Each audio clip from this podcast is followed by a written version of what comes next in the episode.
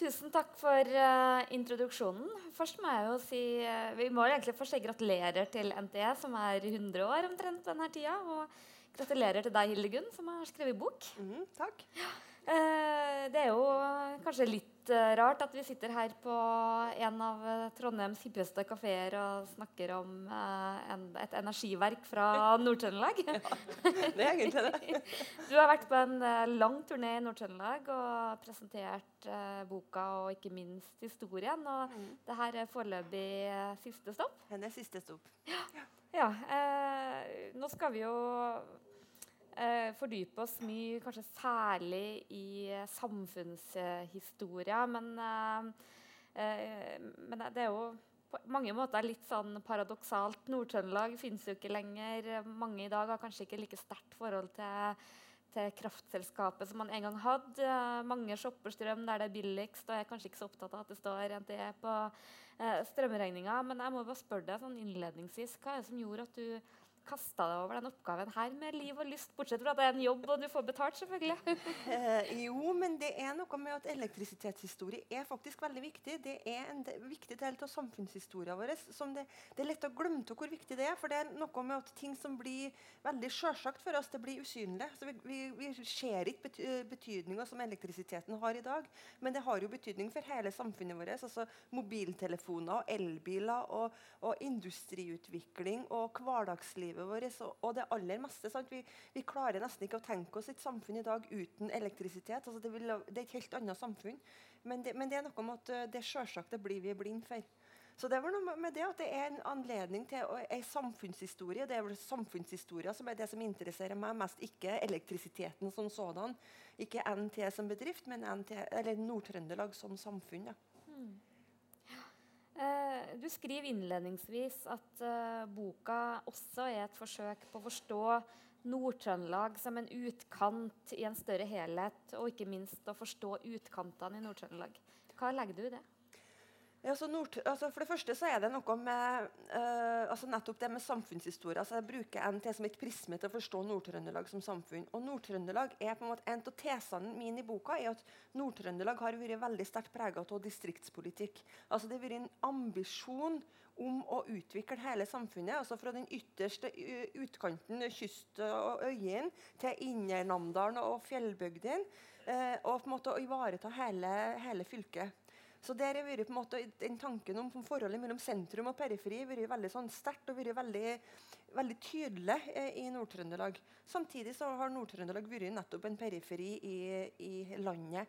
Altså Vi har vært glemt på en måte i, eh, altså i det spesielle oppmerksomheten som Nord-Norge, Finnmark og Troms og, har fått, eh, med Nord-Norge-plan og alt sånn, sånn politisk eh, grep for å, å utvikle, utvikle norddelen av landet mens på en måte ikke har hatt det sentraliserende eller hatt på en måte den oppmerksomheten som ligger i kraft av å være et politisk sentrum, som, som mer av Østlandet har vært.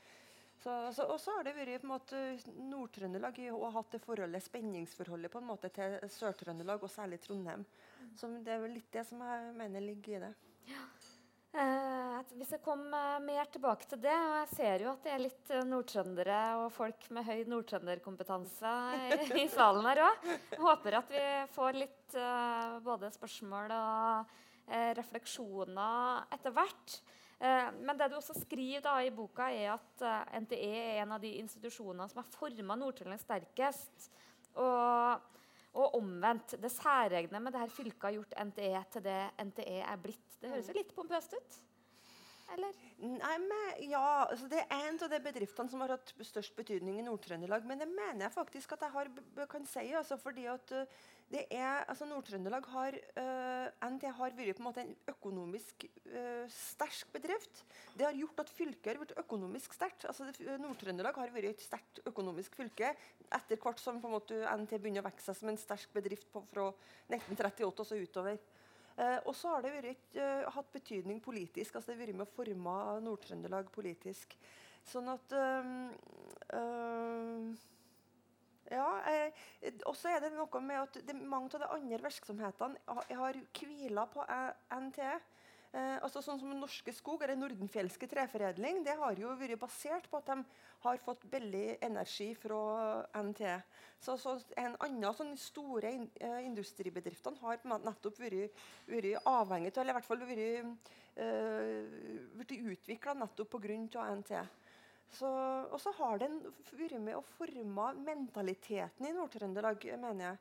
Eh, og Det er kanskje det som jeg synes er det mest interessante med, med dette arbeidet. Altså jeg prøver å forstå noe med nordtrøndersk væremåte og tenkemåte. Hva, hva er det som særpreger Nord-Trøndelag? Eh, og Det er som jeg nettopp skriver, altså det er en veldig sterk distriktspolitisk tenking. Og det handler mye om NT. Så det er ikke sånn at et kraftverk er ikke bare et kraftverk? Ikke, ikke i Nord-Trøndelag i hvert fall er det det. Altså, I Nord-Trøndelag så har nettopp NT vært en del av det å bygge distriktene. Det har eh, de har hatt en veldig spesiell struktur. Altså, når NT var på sin storhetstid, så var det avdelingskontorer og butikker og eh, installasjonsvirksomhet over hele fylket. Eh, I den minste kommunen, de minst grisgrendte strøkene, så på en måte var det en NT-butikk. Mm. Uh, og Det er ganske spesielt. Det er ikke så mange andre plasser du har. Og På den måten så har NT vært med og prega Nord-Trøndelag. Og fylkespolitikerne har jobba veldig for å få til det. Altså Det har vært en sånn tanke om at NT skal være et redskap for å bygge Nord-Trøndelag som fylke. Uh, mener jeg. Vi må snakke litt om den nordtrønderske identiteten. Det må jeg innrømme er noe som har uh, engasjert meg litt òg. Noen hevder jo at det ikke er noe forskjell på Nord- og Sør-Trøndelag. Og jeg får stadig kjeft når jeg sier at jeg er nordtrønder. Jeg har ikke slutta å si det. Uh, men kan du si litt om uh, hva du legger i det? Ja, altså jeg starter I innledninga på boka så starter jeg med å polemisere mot en veldig god kollega til meg, Espen Leirstedt, uh, som ikke er nå i dag, men han vet veldig godt hva jeg mener. og han har diskutert mange ganger. Eh, og det er nettopp Han sier at det fins ikke nordtrøndersk identitet. Nord- og Sør-Trøndelag er på en måte eh, såpass lik at det er, det er mer likheter som kjennetegner det nye Trøndelag fylke. altså de gamle delene. Eh, mer likhet enn det forskjeller. Vi har felles språk, vi har felles eh, tenkemåter. vi har Uh, samme politiske systemet. altså En rekke ting som er likt. Vi heier på Rosenborg alle osv. osv. No, no. Uh, ja, Uh, men så sier jeg at jo vi kan bruke alle formelle kriteriene som er på en måte vanlig å bruke innenfor forskninga om språk. og, og altså alle sånne, sånne, typiske identitetsuttrykk. Men så er det noe det likevel. Eh, som jeg tror veldig mange som er nordtrøndere, kjenner på at det er noe som er sånn udefinerbart. Men som jeg prøver på en måte å, å si noe om da i boka. Eh, og Jeg er ikke skråsikker og bastant, men jeg prøver på en måte å reflektere omkring det og vise hva, hva kan det være. Eh, og En av tesene mine der, der, er jo nettopp at uh, altså identitet det er jo ikke noe som er gitt, og som kommer på en måte som er, uh, er, med, som er medfødt, eller som på en måte ligger i oss. Identitet er jo noe som formes av noen og, og noe. Uh, og en teori der er jo at identitet formes av sentrale aktører i et samfunn. Veldig ofte kunstnere eller kultur, sterke kulturkrefter Sånn som f.eks. Sørlandet som, som, begrep. Det ble formet av Wilhelm Krag, forfatteren på slutten på 1800-tallet eh, og, og framover. Så blir begrepet Sørlandet definert som et eget begrep, og folk begynner å tenke på seg sjøl som uh, sørlendinger. Noe lignende du har, har, du ikke hatt i Nord-Trøndelag. Du har ikke hatt noen sterke kunstnere eller kulturpersonligheter som har forma nordtrøndersk identitet på den måten. Men jeg mener at NT og fylkestinget har tatt en sånn rolle med å forme en sånn selvforståelse som nordtrønder. Uh, du har jo selvfølgelig hatt noe sånn vømmøl, og du har hatt Åge, trønderrock og, Åge. og, noe, men noe av det er mer som felles. Kanskje ikke kultureliten? Nei. Ikke kultureliten, på, nei. Men, men, du har Så det har jo medvirka hen. Men jeg mener jo at NT har hatt en sånn rolle i å definere det nordtrønderske. da. Nettopp i, med at de har fokusert på det, det distriktsbaserte og det desentraliserte og den såkalte balanserte utviklinga som har vært en ambisjon. Eh, jeg skrev en kommentar om det her i forbindelse med fylkessammenslåinga før det ble vedtatt. og Da skrev jeg det at eh, Nord-Trønderen er fra Mars og Sør-Trønderen er fra Venus. Mm.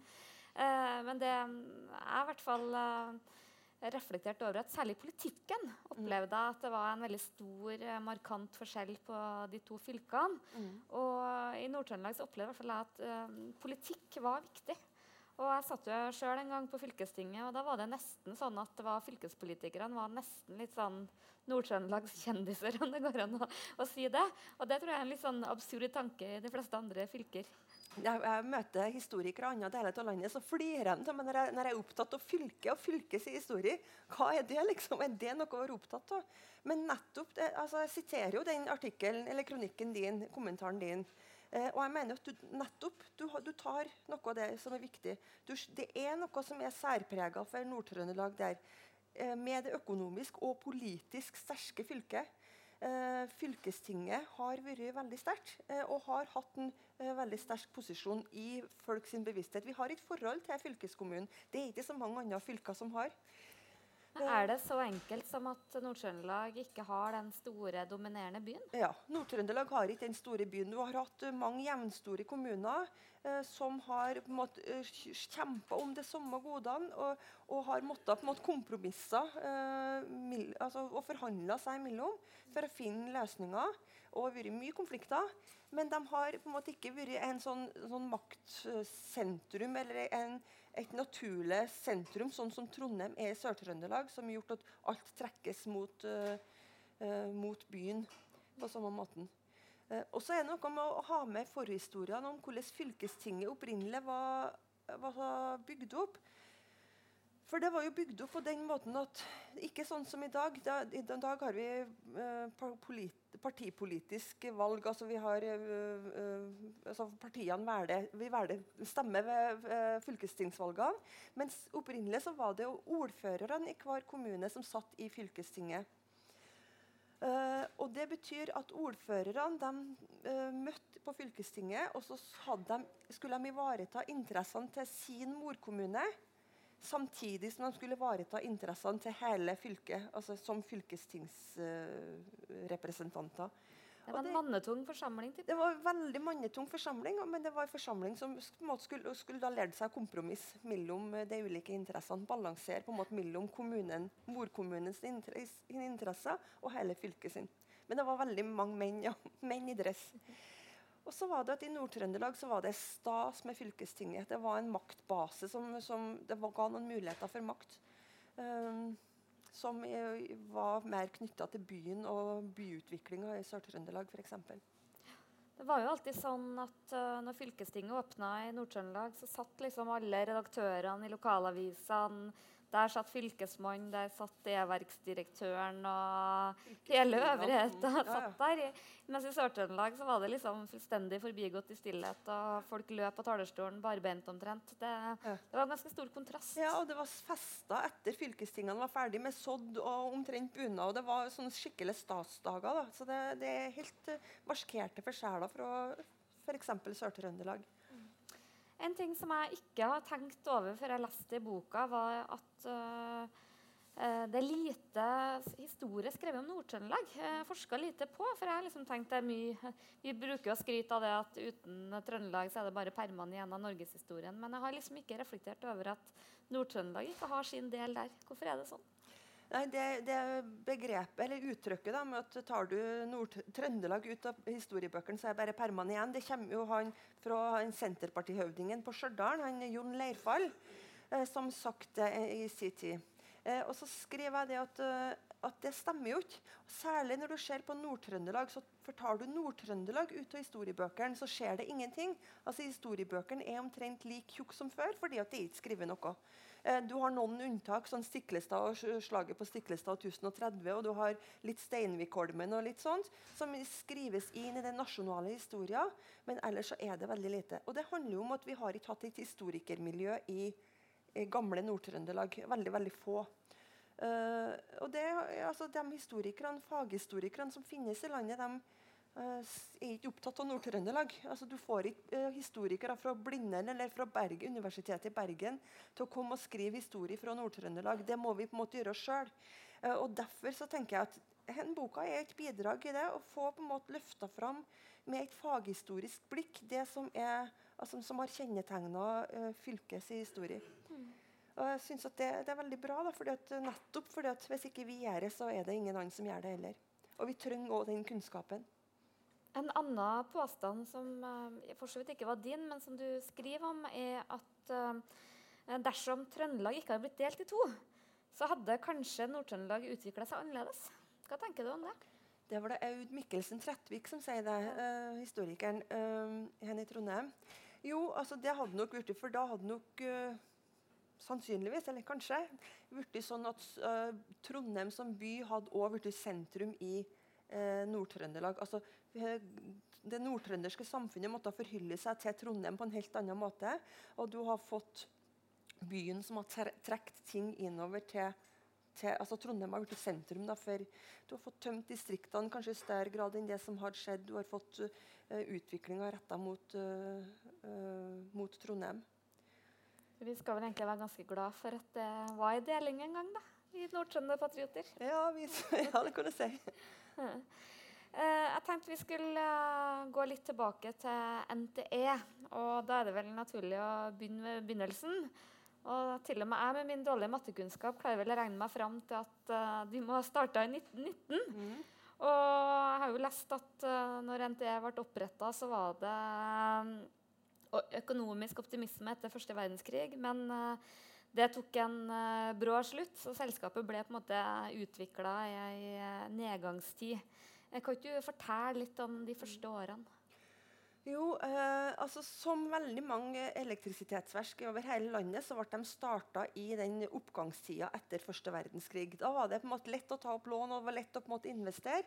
Og elektrisitet var på en måte det største tegnet på modernisering. Altså, skulle, du skulle bygge landet gjennom bruk av elektrisk kraft. Eh, så eh, var det vel nesten ikke tørt blekket i forhandlingsprotokollen på fylkestinget før at den økonomiske nedgangstida kommer i 1921. Eh, og du begynner å få det, altså du får på en måte en motgangstid.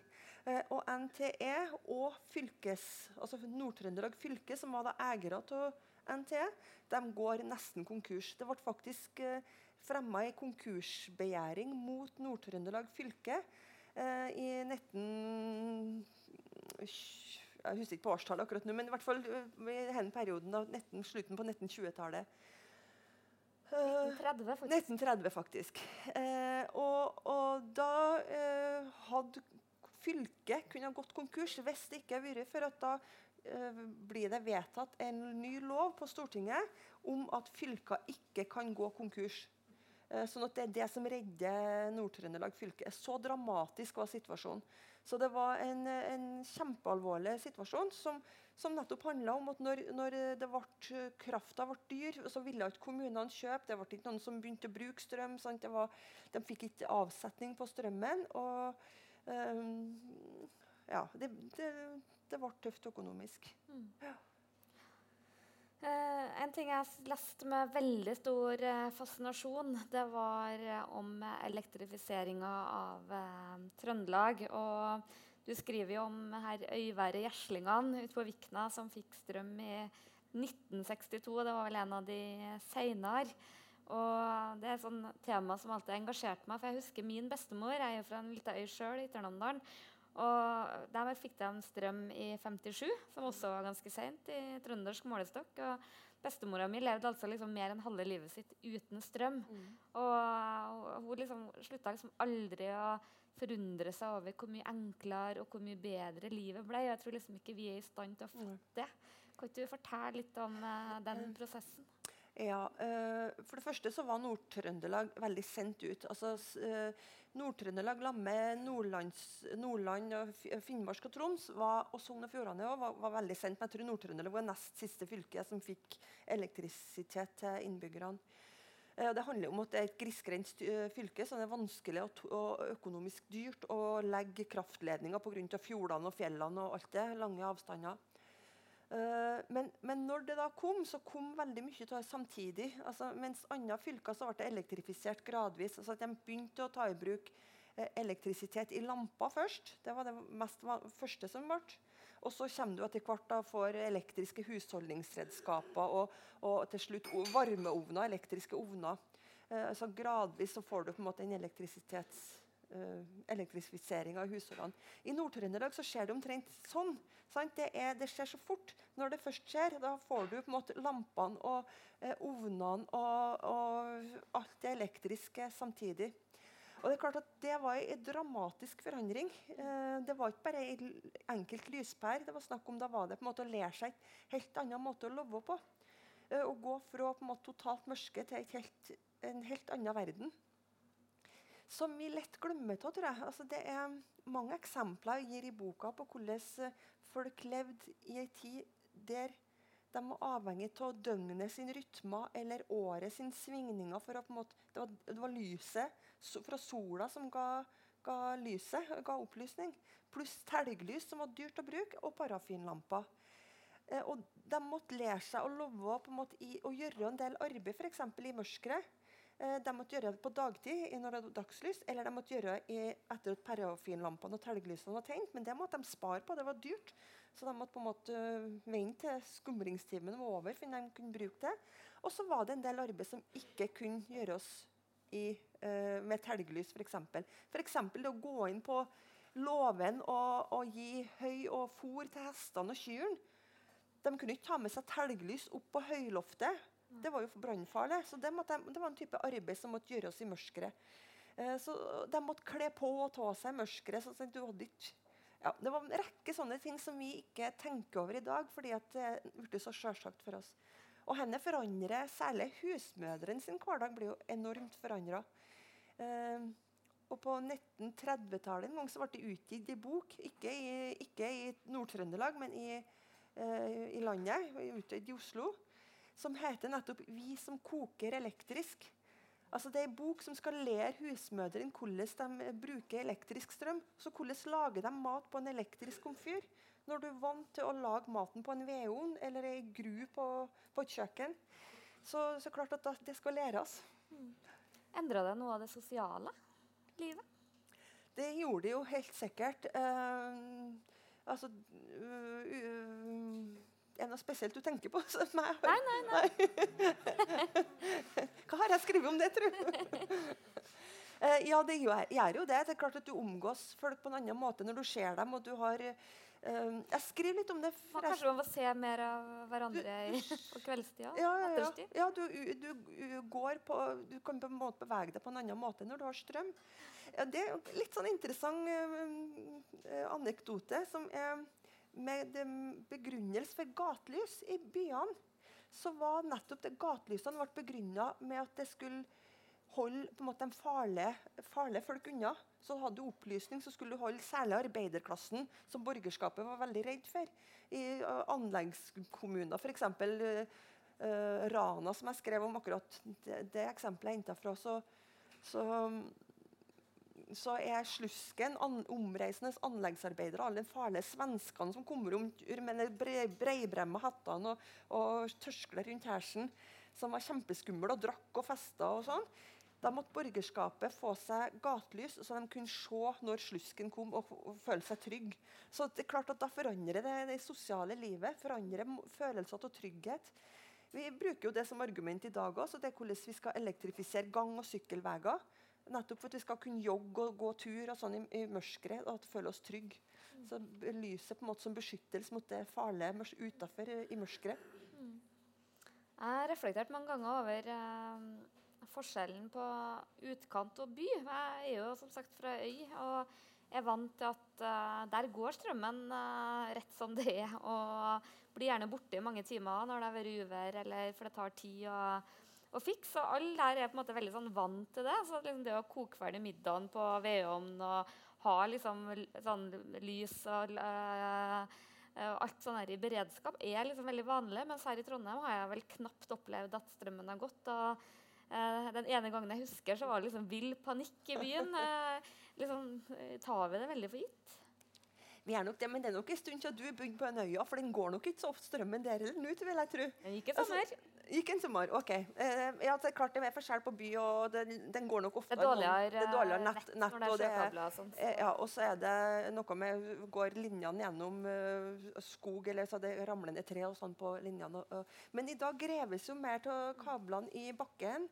Og det er, altså, det er mye sjeldnere overalt å, å oppleve strømbrudd. Så i dag er det nesten litt sånn eksotisk. sant? Og vi koser oss med stearinlys og nesten sånn at det er noe stas med når strømmen går. Eh, det som jeg skriver om en del i boka, som er litt interessant, er jo nettopp dem som arbeider i NT med å løse de problemene som oppstår da i all slags vær. For det er ofte når det er storm og uvær, vært ute og reparere de skadene. Som er på en måte litt sånn hverdagsheltene som gjør at vi kan ha den elektrisiteten og den komforten som følger med elektrisiteten. Eh, noe av det du skriver en del om i, i boka, er eh, det du kaller klassekompromisset. Mm. Og, og det NTE betyr eh, kraftsosialismen, den foreninga av Arbeiderpartiet og Senterpartiet. Kan du ikke fortelle litt om det? Mm. Uh, ja, jeg mener at det er noe som preger Nord-Trøndelag. Eh, altså, Nord-Trøndelag har jo, der har jo Arbeiderpartiet vært det største partiet, eh, og er veldig sterkt. Eh, og så er Senterpartiet eh, det nest største partiet. Andre partiene har omtrent ikke betydning i Nord-Trøndelag. De er små, og det er vært Senterpartiet og Arbeiderpartiet som har hatt makta. Og Der påstår jeg da at det utvikler seg et slags klassekompromiss. altså Der, der du har eh, Det likhetsambisjonene som vi forbinder med arbeiderbevegelser og Arbeiderpartiet. De blir knytta til geografisk likhet, som er på en måte det vi forbinder med Senterpartiet. Så, så det er noe med den sammensmeltninga av den likhetsambisjonene til Arbeiderpartiet og den sterke desentraliserte tenkinga til Senterpartiet som smelter sammen i det klassekompromisset, og som jeg mener vi ser veldig tydelig i Nord-Trøndelag. Nettopp med den tanken om at du skal bygge hele fylket, du skal ta i bruk ø, ytterkantene og alle ø, ø, altså, hver minste øy og hver en fjellbygd skal, skal ha på en måte samme godene. Og NT er jo et veldig tydelig eksempel på hvordan det eh, drives. Jeg intervjua han gamle fylkesordfører Arne Sandnes en gang fra Senterpartiet. Og han sa nettopp noe sånt som at NTE la strømkabler ut til det minste lille, eh, minste lille høylø eller eh, ut, utelø eh, i distriktene. Nettopp for å illustrere det poenget med, at, med den desentraliserte tenkinga. Men samtidig så fører det klassekompromisset til at det med sosial forskjell det tones litt ned. Det blir ikke så stor oppmerksomhet rundt det. Og det ser vi tydelig f.eks. internt i NT. Med at du har eh, store, tydelige hierarkier og klare sosiale forskjeller internt i bedriften. Eh, F.eks. med at eh, direktøren de satt, hadde egne bord reservert for direktørene. Det var hvite duker, og ifølge legenden og myten så, så sies det òg at det var sølvbestikk på det bordet. Jeg vet ikke om det stemmer, men det er litt sånn artig, artig fortelling. Det var det ingen andre som hadde lov til å sette seg, det var kun direktørene. Eh, det var sånn at eh, Kom direktøren inn på et eh, rom, så skulle ansatte reise seg. De sa selvfølgelig 'de' til hverandre. Det var det over hele landet, men det vara lenger i Nord-Trøndelag enn andre plasser. Direktøren hadde egen bil, egen, så bedriften sin bil, med privatsjåfør. Så det var en rekke sånne ting som var, var med og markerte forskjellene mellom gruppene. Altså der på en måte du hadde hierarkiet fra direktøren øverst altså nedover med ingeniørene og funksjonærene. altså Kvinnelige underordna funksjonærer og sek eh, sekretærer og sånt nederst. Vaskerne. Uh, og det varer lenger i NT og i Nord-Trøndelag enn mange andre plasser, tror jeg. Som var nettopp det at likheten ble knytta til uh, geografisk likhet, ikke til sosial likhet, først og fremst. Det høres veldig utrøndersk ut, må jeg jo si. da. Særlig unordtrøndersk. Mm, Ikke, ikke unordtrøndersk på den måten at det er altså Den geografiske likheten, den mener jeg er typisk eh, Men nordtrøndersk. hvite duker og sjåfør. Ja, det var jo noen få, da. Ja. Eh, det, er, det er litt spesielt. De ville jo på en måte markere at de var noe annerledes. Mm. Det, det, var, det, er ikke sånn lenger i dag, men det varer fram til på slutten på 80-tallet og tidlig altså 1990-tall så var på en måte den kulturen sto sterkt fremdeles i, i NT. Mm. Noe annet du beskriver, eh, er jo de her tette båndene eh, mellom politikk og NTE-ledelsen. Hvordan beslutninger tas. Eh, hvordan var det, hva var det som skjedde på bakrommene der? Var det, var det bra? Altså, I teorien så er jo NTE altså det, eller ikke teorien, det jo, var jo et politisk uh, styrt uh, selskap på den måten at det var fylkeskommunalt eid. Uh, og dermed var det fylkestinget som styrer. Men så er det noe med at elektrisitetsfeltet altså i vid forstand, det er utrolig komplisert. Det er vanskelig å skjønne. Altså når, og når da NT-direktøren var saksforberedende og laga saksdokumentene og utredningene for fylkestinget og skrev at vi trenger sånn og sånn og sånn, og vi må gjøre det på den og den og den måten, så var det vanskelig for fylkestingspolitikere å skjønne det og kunne ta stilling til det. Så i veldig stor grad så satt fylkestingspolitikerne og sa OK, vi gjør det sånn. De sier at vi skal gjøre det sånn. OK, det, det gjør vi. Fordi det er så komplisert felt at det skal litt til å sette seg inn i det og klare å tenke selvstendig rundt det. Så Sånn sett så fikk eh, direktøren på NTE og hans nære allierte fikk gjennomslag for ønskene sine i all hovedsak. Og hans nære allierte det var da fylkesrådmann eh, Dagfinn Sakshaug. Han var en av hans nære allierte. Så der hadde også NT-direktøren, fylkesrådmannen, hadde du fylkesordføreren, bl.a. Arne Sandnes. Altså, du hadde et lite nettverk med, med, menn som hadde veldig mye makt i Nord-Trøndelag. Og dem Karl Skaar, som han het, han, han, som var direktør i NT veldig lenge. Uh, han gikk da i 1994 og var da direktør i mange, flere tiår. Altså direktør og kontorsjef, og med den reelle makta i NT i mange, flere tiår før. Han brukte å komme på kontoret sitt tidlig om morgenen. og Var der allerede før sju. Eh, og det første han gjorde Han bruk, likte å ha den arbeidsroa alene før resten av ansatte kom. Den arbeidstida brukte han til at han ringte Dagfinn Sakshaug, altså fylkesrådmann. De satt på hvert sitt kontor. Så snakka de i telefon i lag. Og så ble de enige om hvordan de skulle gjøre ting.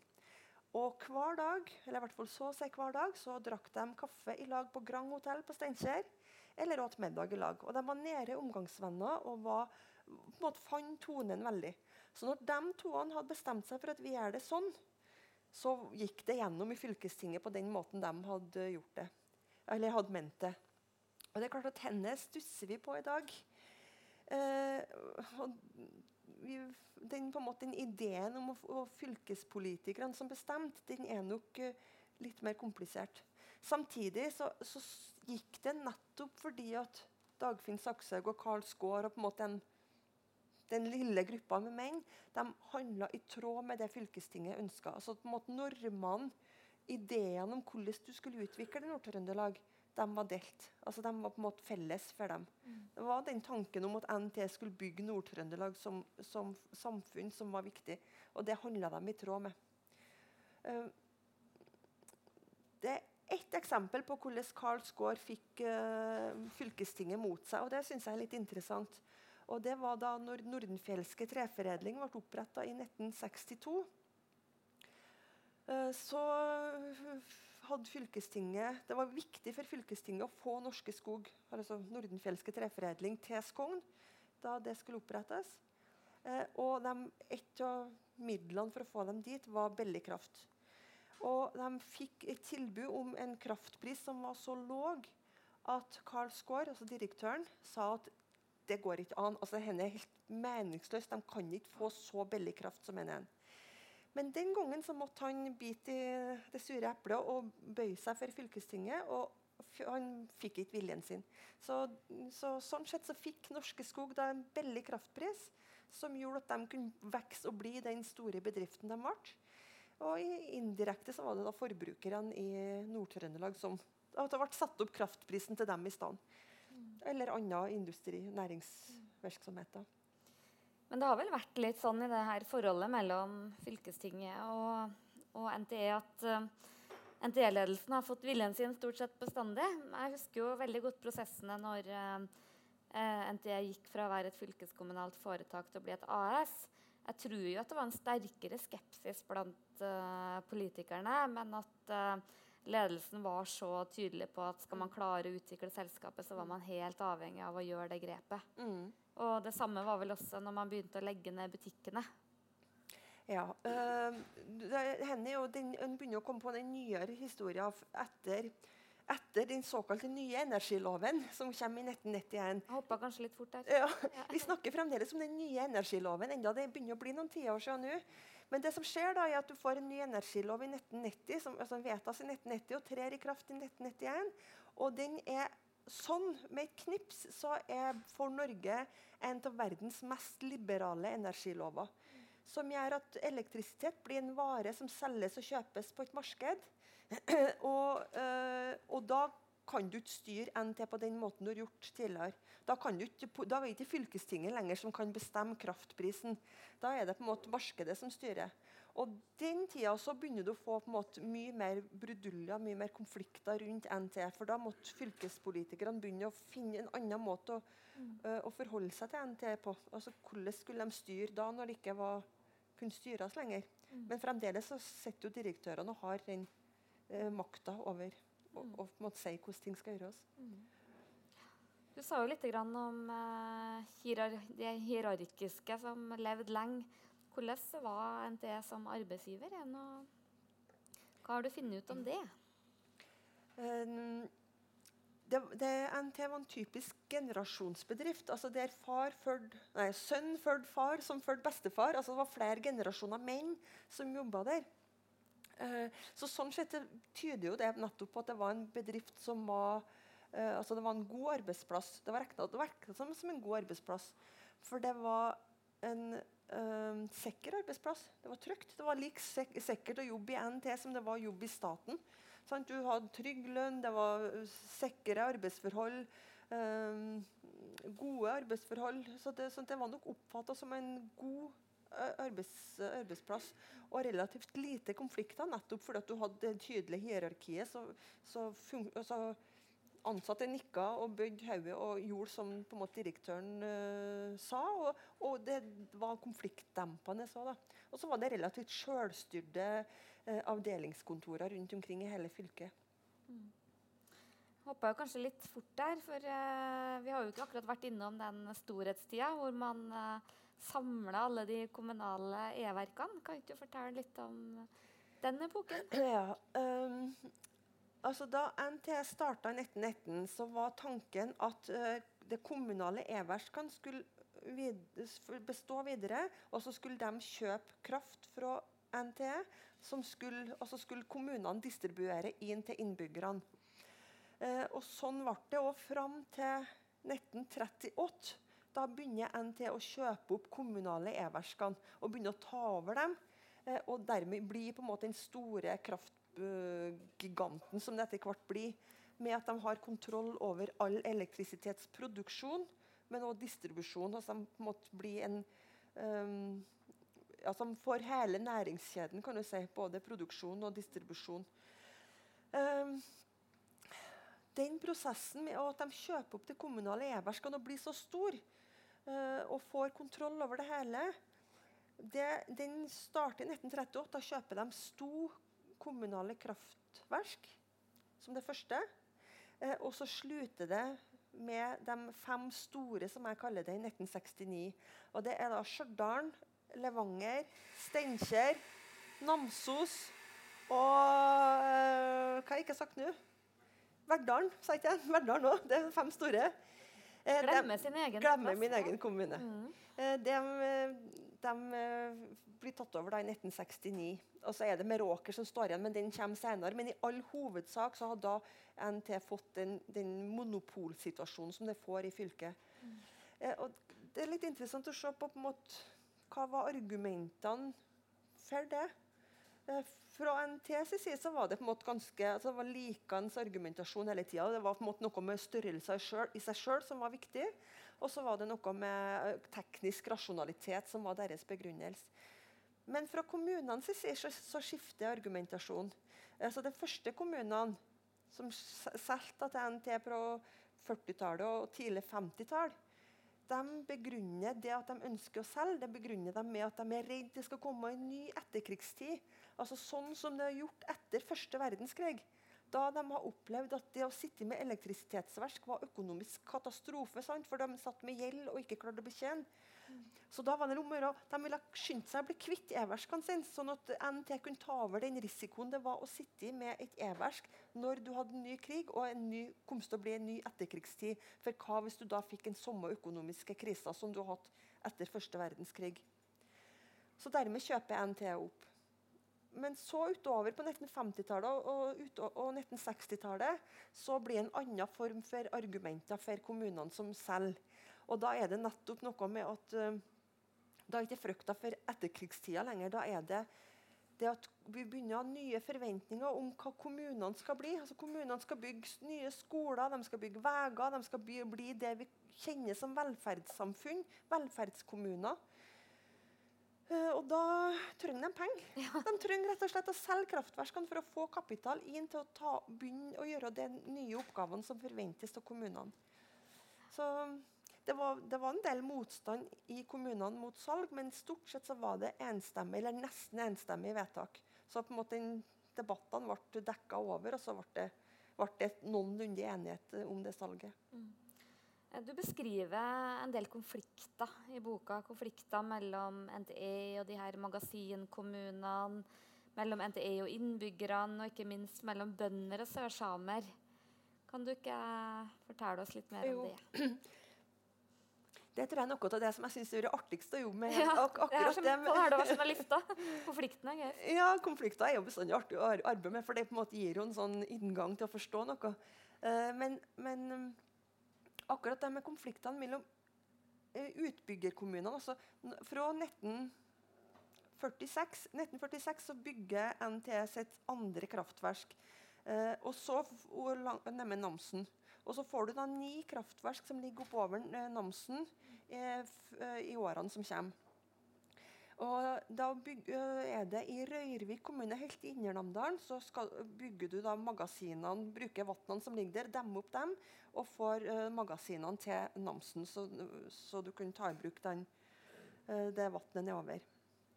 Uh, og i en perioden her så er det sånn at kraftverkene gjør helt som de vil. Altså de, søker, de har jo konsesjonsplikt, så de søker jo om konsesjon men får det stort sett bestandig. Altså, de får det bestandig. Eh, de søker NVE, altså Norges vassdrags- og elektrisitetsvesen, eh, og vanlig å få det. Her var det sånn at NTE ønska å få, uh, få foreta den utbygginga og demme opp i Indre og vannene der. Fylkestinget, Et enstemmig fylkesting med ett unntak, ordføreren i Røyrvik, gikk inn for det, og Fylkesmannen gikk inn for det. Så det var på måte Makta i Nord-Trøndelag sa at ja, her skal NTE få bygge ut i Indre Namdalen. Mm. Men så er det da han ordføreren i Røyrvik, lille Røyrvik kommune, som i dag har 500 innbyggere. Jeg husker ikke på hvor mange det var da, men det var, det var jo liksom en, en, stor håndfull omtrent. Uh, den lille kommunen, der klarer da ordføreren Petter Vekteli fra KrF han, klarer, han er tydeligvis en politisk strateg av de sjeldne. Så han klarer det sjakktrekket å få en, eh, altså en Han sier det at dere får ikke bygge ut uten at, får, at, vi får kompensasjon på den og den og den måten. De skulle ha veier, de skulle ha elektrisitet til alle innbyggerne sine, de skulle ha økonomisk godtgjørelse osv. osv. Og det sier NT nei til. De sier at dette er altfor dyrt, vi har ikke råd, det går ikke an. Vi vil bygge ut likevel. Ja. Og Ja, eh, det var oppdemninga av Namsvatnet, ja.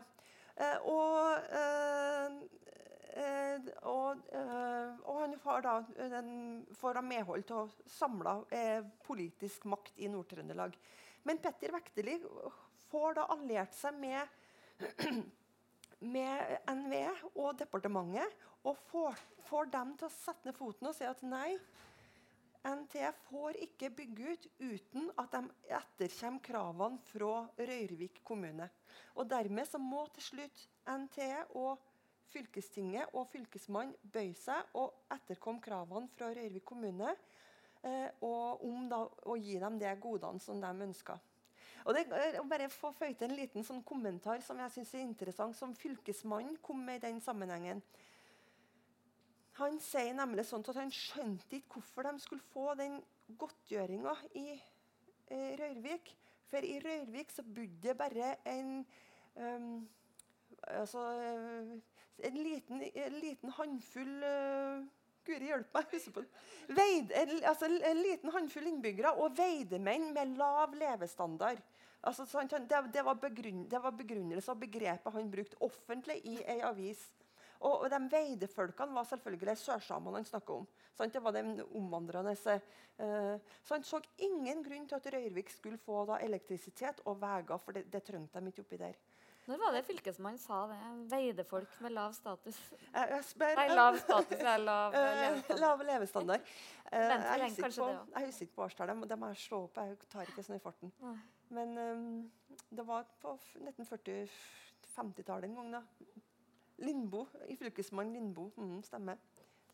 Er usikker på om det er kommuner med noe sånt i dag. Eh, eh, Nei, annen ting du beskriver, er jo denne her eh, naturvernet, naturvernet når Mm. det kom. Og eh, vi følger jo med på debatten i dag om bygging av vindmøller. og Det er ikke mye fyndord, men her ser jeg at man eh, sammenligner kraftlinjer med smykker i naturen. og Var det noe mye sånn naturvernkonflikter i Nord-Trøndelag? Eh, ikke til å begynne med. Kan, det er nettopp det at altså, elektrisiteten er, det oppfattes ikke som et problem, sånn som det ble senere på 1970-tallet. Det var nettopp knytta til modernisering. Det var, det, var, det var ikke estetisk truende med å få elektrisiteten i, i, i fjellområdene og i naturen. Nettopp det eksempelet er jo det med, som står i ei avis. En, en journalist som reiser rundt i Indre Namdal og skulle se på kraftutbygginga. Og så skriver han sånn om at det vakre, flotte fjellområdene, store uh, områder med uberørt natur. Og så går kraftledninga der som, en, som et smykke rundt en kvinnes hals. Det er, er 1950-tallet sin, eh, sin moderniseringsoptimisme som, som kommer til uttrykk.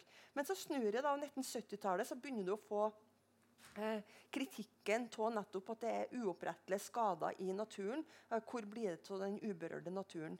Og Du får da Mardøla-aksjonen og Alta-aksjonen. Og, og, så får du da i Nord-Trøndelag så får du eh, vern av Forravassdraget, den store konfliktsaken. Eh, der var det altså Forra i eh, Stjørdal. Eh, så der var Naturvernforbundet, eh, den politiske venstresida, eh, som var eh, alliert seg, og som, som hadde bl.a. to år de hadde demonstrasjonstog dit med 700-900 eh, mennesker som gikk i tog oppover dit. Eh, Hans Rotmo var der og sang eh, om Vømmerdalens siste vår, og, eh, eller noe lignende. Eh, og eh, Jon Leirfall, Senterpartipolitikeren, var der, og en rekke sånne store folk var der. Og da så demonstrere mot oppby oppbygging og eller ut, eh, anleggsarbeid i, i Forradalen. Mm. Eh, og der får de også, Det blir jo ikke noe kraftutbygging i Forra. Det skyldtes nok ikke fylkespolitikerne. altså Fylkespolitikken i Nord-Trøndelag der har du ikke hatt noen sterke naturverninteresser. Så det skyldtes nok først og fremst de på en måte grasrotbevegelser, og at du hadde da verneplaner som begynte å utvikles på nasjonalt hold. Nei, det gir mening, det. Eh, jeg ser at uh, tida går. Eh, hvis vi skal få tid til litt spørsmål og, og refleksjoner, så må vi nærmer oss ei avslutning. Men eh, det har jo skjedd veldig mye de siste åra nå. Du kan jo kanskje fortelle litt eh, Vi var jo så vidt innom eh, de nye energilovene, og etter det så har det vel egentlig gått slag i slag?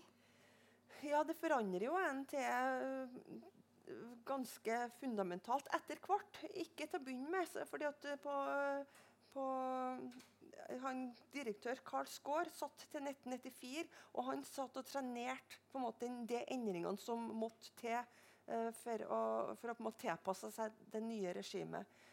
Uh, så han satt, sa at nei, henne går over. Den nye energiloven på en måte, det trenger vi ikke å forholde oss til. Det, det går over igjen. Og folk i Nord-Trøndelag er så lojale mot NTE og de har et så godt forhold til NTE at de kommer til å kjøpe kraft av oss uansett. Eh, men så går han av som direktør i 1994, og da på en måte er det eh, baner det vei for nye personer og nye tanker omkring at uh, NT måtte tilpasse seg et nytt, uh, et nytt uh, elektrisitetsregime. Mm. Og det blir da en periode med store konflikter internt i NT, internt i fylkestinget og fylkespolitikken. Partiene var splitta. Senterpartiet var store spenninger internt. Arbeiderpartiet var store spenninger internt. Og det var store konflikter internt i virksomheten og mellom, eh, mellom fagforeningene og ledelser, bl.a. Så det var, var en konfliktfylt periode. Og nå har på en måte NT begynt å finne en form igjen for å på en måte begynne å tilpasse seg en annen, en annen verden. Og klare å forholde seg til det at hvordan skal du på en måte ivareta den rollen som de fikk som samfunnsbygger i en ny tid. Uh, I den prosessen med å slå sammen trøndelagsfylkene den har jo pågått i mange mange år, selv om folk tror at det har gått så lett i Trøndelag. Uh, og for mange i Nord-Trøndelag er jo kanskje det viktigste argumentet for å ikke slå sammen fylkene nettopp eierskapet til NTE. Og man har frykta veldig og sett på hvordan det har vært styrt i Sør-Trøndelag og andre steder. Hvordan løste man det her? Altså, sannsynligvis vil jeg påstå at hadde ikke blitt noen fylkessammenslåing hvis du ikke funnet en løsning på NT. Altså, det med eierskapet til NT det var såpass viktig for nordtrønderske fylkespolitikere at, at uh, det var jo en av grunnene til at NT ble omdannet til aksjeselskap. Og så har nå da aksjene blitt overført til morkommunene. Så nå er det kommunene som er eiere av NT.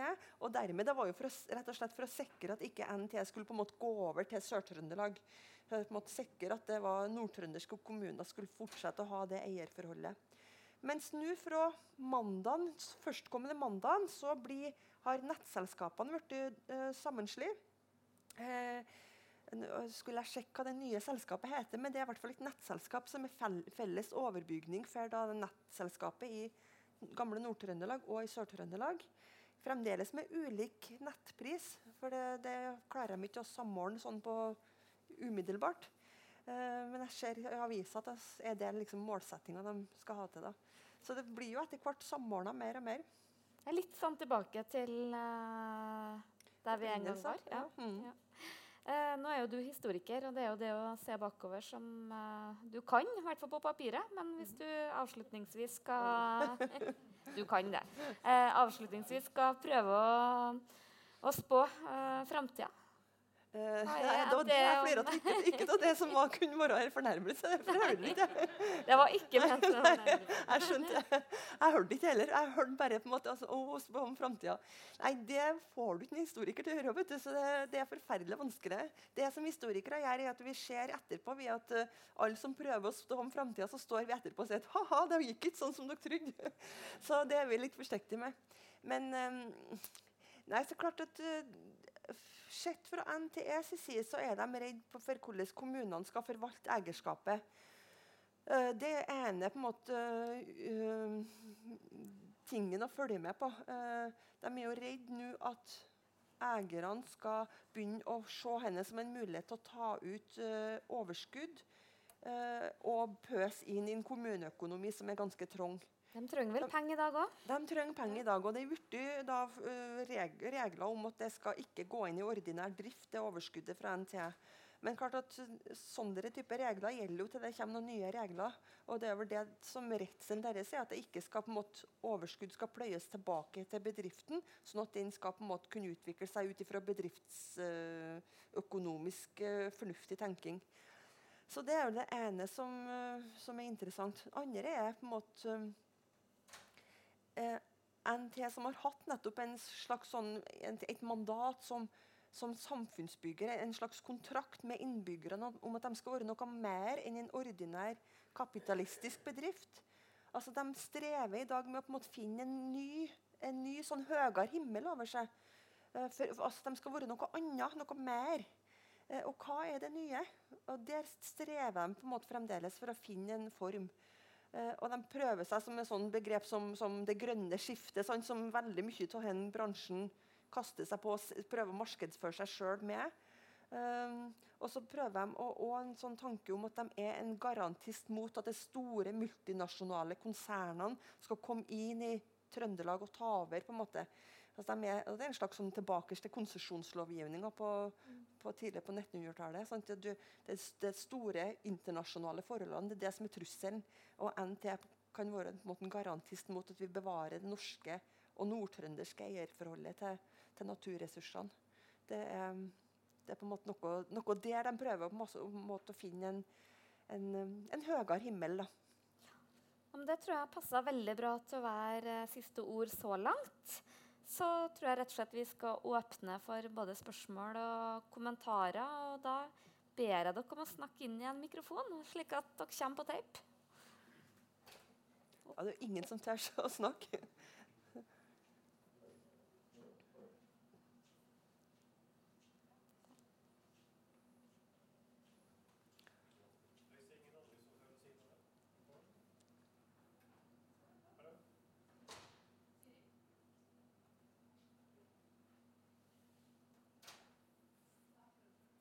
OK?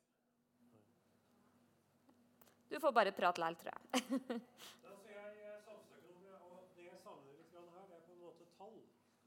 Altså på en måte Hvor stor er produksjonen, hvordan har produksjonen utvikla seg? Et cetera, et cetera. Jeg savner litt grann på en måte om, om de på en måte basisøkonomien i denne mm. historien. Altså, det jeg har jo med, jeg kan ikke ta noe som tar det i hodet sånn nå, det, det, husker ikke jeg på, men jeg har jo med noe om det i boka. så Du ser jo på en måte litt om den økonomiske utviklinga uh, til NT. Men sånn, hovedtrekkene er jo uh, det, det, starter jo veldig uh, dramatisk økonomisk sett.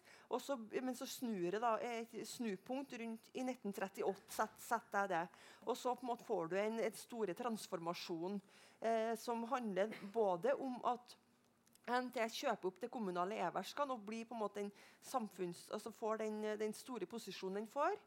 Eh, det får på en måte økonomisk utvikling, eh, og du får kraftutbygginga og du får elektrifiseringa av husholdene. Men eh, du får nesten se, det er jo litt sånn produksjonstall og litt sånn tall innimellom. Men, men, først og fremst så er denne bok om Nord-Trøndelag som samfunn. så det er, det er ikke det, det, er ikke ordinær bedriftshistorie, sånn at du finner ikke sånn kjempemye om det. Men det er jo med som en, en basis, vil jeg jo si. Flere?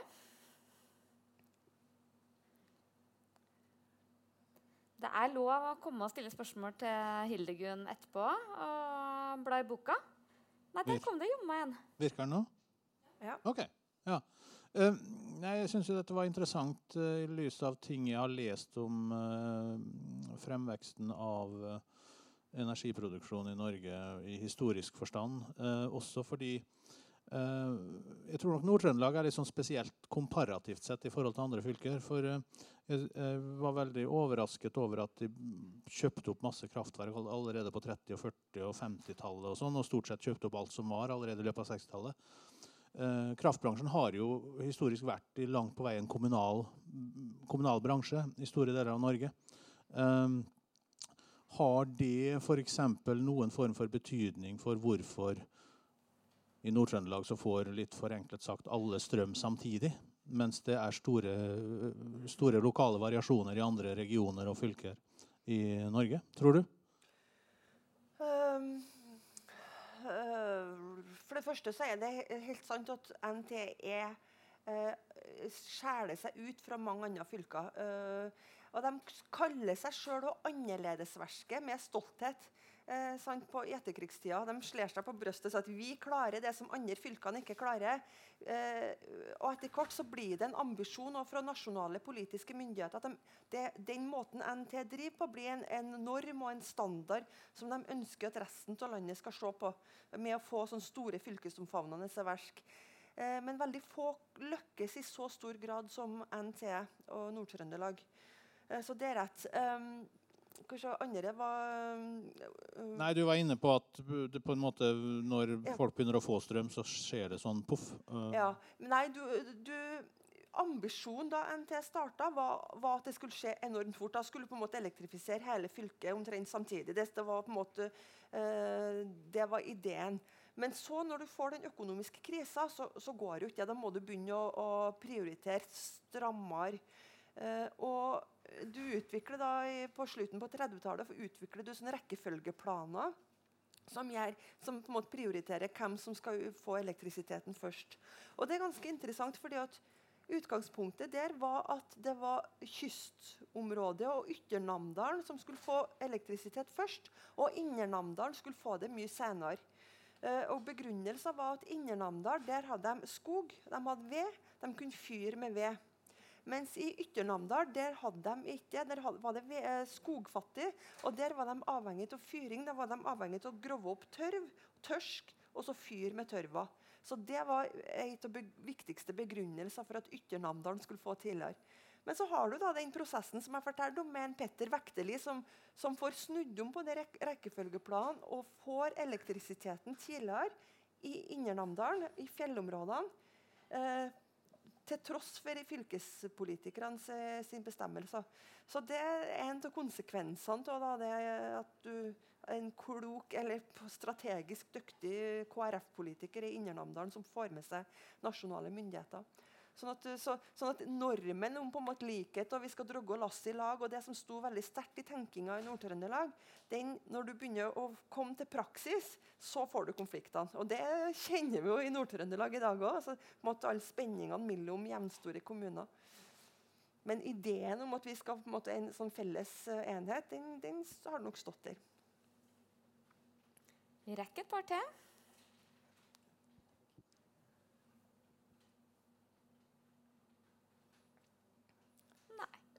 Da tror jeg rett og slett at uh, vi avslutter.